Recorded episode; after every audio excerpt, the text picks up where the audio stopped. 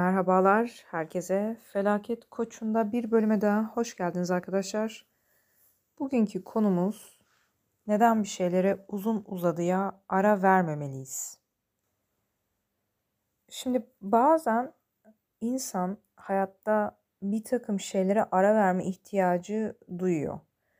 Ya yorulduğu için ya yaşadığı kötü deneyimlerden dolayı ya başka bir yaşam olayı araya girdiği için eğitimine, işe, ilişkilere, herhangi bir şeye yani durumu çeşitlendirin ara verebiliyor ki bu tabii ki bir sorun ya da asla yapılmaması gereken bir şey değil. Fakat e, yaşamda edindiğim tecrübelerden anlıyorum ki çok da uzun ara verilmemeli aslında. Çünkü uzun aralar üç şeye sebebiyet veriyorlar. 1. Beceri kaybı 2. Alan kaybı 3. Duygu kaybı Ve bunlar beraberinde başka sorunlar da getiriyorlar. Şimdi beceri kaybıyla başlayalım. Bir şeye uzun zaman ara verdiğinizde ve sonrasında o şeye tekrar döndüğünüzde o şeyle ilgili kondisyonunuzu, beceri kondisyonunuzu kaybetmiş oluyorsunuz çoğunlukla. Tabi verilen araya göre de değişecektir. Bunu yayının sonunda konuşacağız ama. Örnek vereyim kendimden. Mesela ben e, ilk doktoramı 2016 yılında bırakmıştım. 2016'da başlayıp 2016'da bıraktım. Sonra 3 sene ara verdim. 3 sene sonra doktoraya tekrar başladım.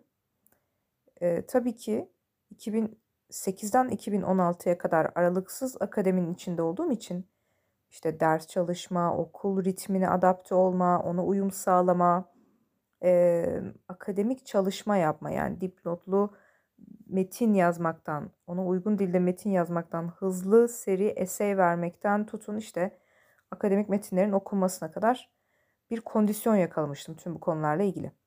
3 sene ara verdikten sonra tabii bilhassa okul e, ritmine uyum sağlama, dipnotlu metin yazma, uzun zaman alan metin ve belki akademik metin okuma değil ama istediğim istemediğim akademik metne mesela maruz kalma gibi becerilerimi kaybettiğimi fark ettim. Şimdi bu neye yol açıyor? Bu beceri kaybını toparlamak zor oluyor. Neden? Şimdi bir şey tamamen sıfırdan başlıyorsanız e, beceri geliştirmeniz çok daha kolay. Tekrar başlamaya göre. Neden? Çünkü başlangıçtan doğrudan şeyi kabul ediyorsunuz. Yani ben bu alanda yeniyim. Dolayısıyla sıfırım. Dolayısıyla hemen daha ilk gün mucizeler yaratmam beklenemez. Bu kendinize açmış olduğunuz esnek alan sayesinde e, stres düzeyiniz daha düşük oluyor ve aslında daha çok uyum sağlıyorsunuz. Fakat ben bunu zaten yapmayı biliyorum, ben bunu iyi yapıyorum diye kafanızda kodladığınız ama sonra çok ara verdiğiniz bir şeyi tekrar yapmaya başladığınızda bir süre zihin bir dakika ya ben bunu eskisi kadar iyi yapamıyormuşum aslında yı kabul etmiyor öncelikle. Çünkü bu onda stres doğuruyor. Çünkü hani yapabiliyorduk.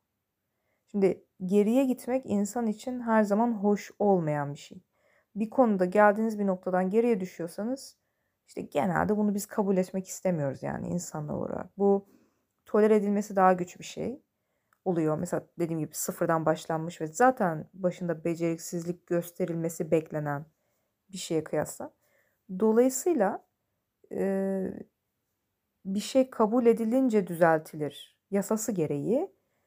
Ben iyiyim ya ben biliyorum bunu zaten tabii canım falan dediğimiz için kendimizi geliştirmemiz yavaşlıyor. Çünkü kendimize beceriksiz olma alanı açmıyoruz. Çünkü işte zihindeki son kayıtlara göre biz onu iyi yapıyorduk. Şimdi nasıl iyi yapamıyoruz?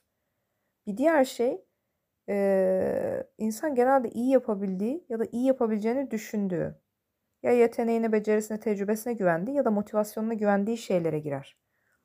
Ki genelde bu geride dönüp tekrar başlanan şeylerle ilgili de böyle bir rahatlık vardır. Yani bir rahatlıkla başlarsınız. Ben bunu yapmayı biliyorum zaten diye. Tam da bunu yapamadığınızı görmek, beceremediğinizi görmek süreçten keyif almanıza baltalıyor. Yani keyif alamıyorsunuz. Esneklik yok. Daha çok stres biniyor. Kendilik algınız az veya çok bozuluyor. Allah Allah ya ben bunu yapabilen biri olduğumu düşünüyordum. Yoksa o bir zamanlar sadece o evrede yapabildiğim bir şey miydi? Ben aslında bunu yapamıyor muymuşum? gibi. Yani sadece şu psikolojik karmaşayla uğraşmak, anlamak, idrak etmek, kabul etmek, sonra tekrar başlamış gibi, yeniden başlamış gibi o şeye adapte olmaya çalışmak bazen aylar bazen yıllar kaybettirebiliyor insana. Dolayısıyla birincisi burada bir beceri yitimi oluyor, beceri kaybı oluyor. İkincisi alan kaybı. Ee, alan kaybı şöyle bir şey. Şimdi hayatımızda hayatımızdan bir şey çıkardığımızda o şeyin yeri dolar, bomboş kalmaz. Hayatınızdan neyi çıkarıyor, kimi çıkarıyor olursanız olun. Hiç fark etmez. Zaman içerisinde o şeyin yerini başka şeyler doldurmaya başlar. Başka başka şeyler gelir oraya. Başka ilgi alanlarınız oluşur. Enerjinizi başka şeylere yansıtmaya başlarsınız. Hayatınızdaki bir alanı bir süre için kapattıysanız dikkatiniz, enerjiniz, e, büyüme ve büyütme beceriniz başka bir alanı kayar vesaire. Dolayısıyla o X şeyine vakti zamanında ayrılmış olan alan artık orada olmadığı, orada artık başka şeyler olduğu için bu sefer bu psikolojik olarak bilhassa bir sıkışmaya sebebiyet veriyor. Bunu şöyle örneklendireyim. Bir klasik üçlü koltuğunuz vardı ve attınız yerine L koltuk aldınız. Yani neticesinde bir üçlü koltuk lazım işte. Salon boş durmadı ve oraya bir üçlü koltuk daha geldi. L koltuk geldi. Şimdi tekrar o eski attığınız klasik üçlü koltuğu geri getirmek istiyorsunuz ve getirdiniz. E bu sefer salonda iki tane üçlü koltuk oldu.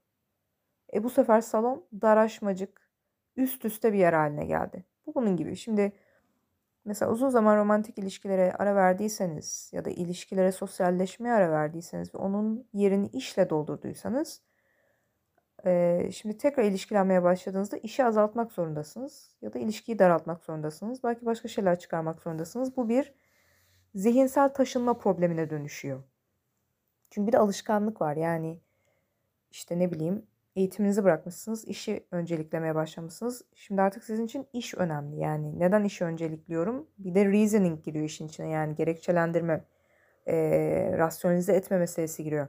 Niye işi önceliklemeye başladım ben artık? Çünkü çünkü çünkü maddeler var. E şimdi siz başka bir şey tekrar hayatınıza getirdiğinizde ve işi önceliklemeye mesela eğitimi tekrar hayatınıza getirip işi önceliklememeye başladığınızda zihniniz size şey diyor. E hani iş çok önemliydi ve bu yüzden öncelikliyorduk. E bu sefer işi de evet doğru deyip önceliklemeye diyelim ki devam ediyorsunuz ama işte bu esnada okul var ya da ilişki var her neyse. Ama işte şimdi onu da istiyorum. E bu sefer ne oluyor? Bir stres yumağı, bir üst üstelik yumağı haline gelen bir multitasking süreci başlıyor zihinde. Genelde e, onların tekrar kendi içlerinde bir dengeye oluşması, oturması, birinin biraz azalması, birinin biraz çoğalması, belki başka bir şeyin çıkarılması böyle şeyler zihinde her zaman için aylar alan süreçlere yayılır en ihtimalle. Yani iki dakikada hallolmaz. Mesela ne bileyim 10 yıl ilişkilenmedikten sonra hani uzun olsun diye şu an atıyorum ve ilişkilenmediğiniz tüm evrede bütün dikkati işinize, gücünüze, kariyerinize ayırdıktan sonra ilişkiye başladığınız dakika tekrar bir ilişkiye girdiğinizde hemen iş hayatınızı %70'ten %70 alandan zihninizde, rutininizde %30'da çekemezsiniz. Bu bir çatışma, bu bir konfor alanından çıkış, bu bir değişim, bu bir dönüşüm. Aynı bir taşınma. Hatta bir evden bir eve geçmek değil, aynı evin içerisinde koca koca eşyaları oradan oraya kapı bacak kırmadan taşımaya çalışmak kadar sinir bozucu, stres dolu, biraz belirsizliklerle kaplı, ortalığı dağıtan bir süreç olur. Dolayısıyla bir şeyi tamamen hayatımızdan uzun bir süre için çıkardıysak ve o şeyi sonrasında tekrar almak istediğimizde onun yerine dolmuş şeylerle uğraşmak diye de bir sorun çıkıyor. Bir diğer nokta motivasyon kaybı demiştik. Duygu kaybı aslında. Ee, o da motivasyon kaybına sebebiyet veriyor. Şimdi duygu kaybı derken şunu kastediyorum. Hali hazırda bir şey varken hayatınızda tüm yaşam alanlarını alabilirsiniz. Bu spor yapmak da olabilir, belli biçimde beslenmek olabilir, daha sosyal olmak olabilir, daha sosyal olmak olabilir, fark etmez. İş olabilir, eğitim olabilir, herhangi bir şey, tüm yaşam alanlarını düşün. İşte aileniz olabilir vesaire vesaire. belli bir şey hayatımızdayken hali hazırda biz onunla ilgili bir duygulanış halindeyizdir. Yani kendimizi onun ritmine kaptırmış haldeyizdir. O bizim için önemlidir. O olursa ya da o iyi giderse onun neden iyi olacağı ya da neden iyi olduğu ile ilgili kafamızda hem net bir fikir hem de net bir duygulanış vardır. kötü gitmesi durumunda neler olabileceğiyle ilgili de bir negatif duygulanış vardır. Tam da bu duygulanış hali bizi motive ve yolda tutar. Bize durumu önemli gösterir. Şey gibi düşünün. Ee, ne bileyim işte siyasetle bundan birkaç hafta önce hepimiz neredeyse full ilgileniyorduk. Şimdi bir kısmımız artık gene hiç ilgilenmiyor. Koptuk yani biz oradan. Şimdi artık o konuyla ilgili bir duygulanış geliştirmemiz tam şu dakika tekrar zor. Ama hala orada olan biri mesela hala o siyasetin içinde olan biri gelip bize böyle ateşli biçimde ya şimdi şöyle oluyormuş böyle olacakmış dese kayıtsız bakarız. Çünkü çıkardık onu bir kere ritimden. Dolayısıyla oradaki o siyaset duygulanımına, oradaki o auraya kendimizi kaptırmayı bıraktık. Çıktık onun içinden yani. Onun gibi düşünün. E, duygulanış kaybı ise belki de en önemli problemlerden biri. Çünkü bir şey hayatınızdan uzun zaman çıkardığınızda o şey olursa ne iyi gidecek? Tam olarak ondan beklentiniz ne? O iyi gittiğindeki duygunuz neydi? Bunu hatırlamakta güçlük çekmeye başlıyorsunuz. Dolayısıyla bu da motivasyon problemine yol açıyor. Yani şey gibi düşünün. Ben mesela artık çok çok hayal meyal yani böyle sadece anı olarak e, internetsiz zamanı hatırlıyorum ama çok silik. İnternet yokken hayatımızın aurası, enerjisi nasıldı? Ee, sadece mahallede kapı önüne çıkıp çekirdek çitlemekten nasıl büyük bir zevk alıyorduk bunu hatırlayamıyorum. Dolayısıyla bana şimdi deseniz ki hadi Tülin mahallede kapının önüne çıkıp çekirdek çitleyelim. Yani muhtemelen pek de yapacağım bir şey değil. Çünkü hatırlamıyorum artık onun nasıl bir keyif olduğunu. Çünkü mahallecilik internetle birlikte Türkiye'de bitti. Ve uzun zamandır hayatımızda yok. Dolayısıyla bir zamanlar çok severek yaptığım bir şeydi. Ama şimdi hatırlayamıyorum. Yani severek yaptığımı hatırlıyorum. Ama severek yapıyorken ki duygumu tam anlamıyla böyle iliklerimde hissedemiyorum. O beni bedensel olarak harekete geçirmiyor artık. Gibi. Aynı şey ne bileyim gençliklerde, gençlik zamanında gidilen festivallerle de e, ilgili festival geldi aklıma. Bir arkadaşım mektubunda e, festivale gittiğinden bahsetmiş. Mesela festivale gitmekle ilgili de şu an gençliğimde en azından olduğu gibi motive olamam. Çünkü hani gidip eğlendiğimi hatırlıyorum. Ama nasıl bir duyguydu gerçekten o anki heyecan, coşku bunu artık hatırlamıyorum. Çünkü çok geride kaldı. Şimdi bir şeyin yaparsak bize nasıl iyi hissettireceği ya da bize nasıl iyi şeyler katıp da bizi iyi hissettireceği konusunda duygulanabildiğimizde, heyecanlanabildiğimizde o şeyi yapmaya, o şeyi devam ettirmeye, o şeyle ilgili sorunların, problemlerin üstesinden gelmeye, cesaret etmeye motive oluruz. Bir şeyle ilgili o kadar da duygumuz yoksa, ya bunu yapsam da olur, yapsam iyi olur herhalde falan. Hani bu kadarsak motive olamayız ve genelde karşılaştığımız ilk sorun ve problemlerde geri basarız. Ama ne uğraşacağım şimdi deyip geri hemen rahat alanımıza geri döneriz. Şimdi bir şey uzun zaman yapmayıp sonra tekrar yapmaya başlayınca ya da tekrar yapmaya başlama niyetine girdiğimizde bizi böyle problemler bekliyor. Ee, şimdi bazen bizi bir şey yapmaktan ağır bir deneyim, hoş olmayan, tatsız bir deneyim alıkoymaya başlamış oluyor zaten. Yani küstürüyor bizi tabiri caizse. Ve böyle durumlarda bilhassa bir süre mümkünse o şeyle hiç temasa geçmek istemiyoruz. Bu da bir dinlenme biçimi.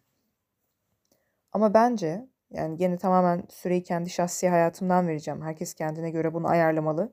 Bence böyle bir durumda bile kaygıya, sinire, strese rağmen 6 aydan daha fazla bir şeye ara verilmemeli.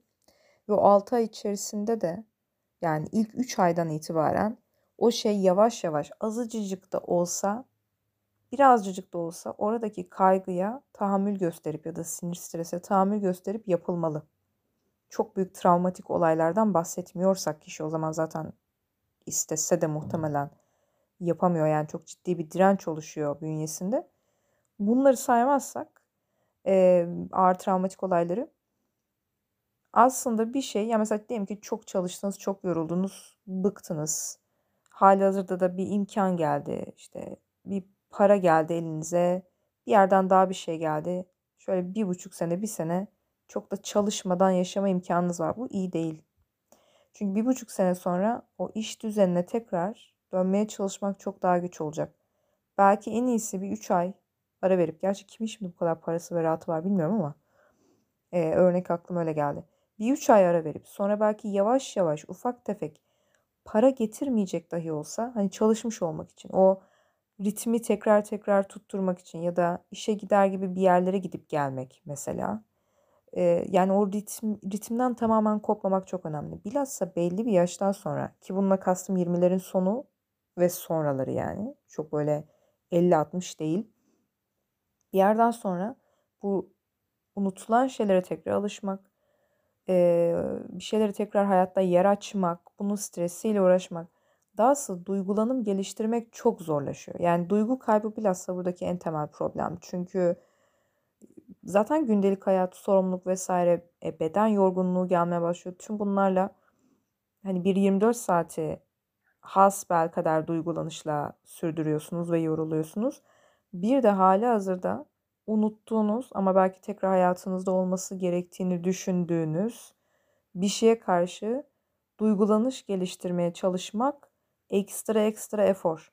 Bunu daha gençken 20 işte 20'lerin sonu değil de 28 ve 6 yaştayken yapmak daha kolay ama sonrasında daha da zorlaşıyor.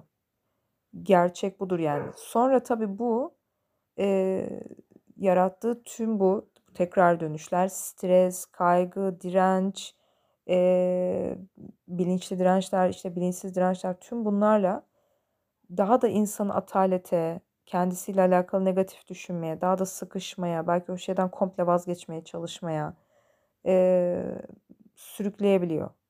O yüzden en iyisi özellikle şunun altını çizeyim bir daha dönme ihtimalinizin olduğunu bildiğiniz bir şeyse.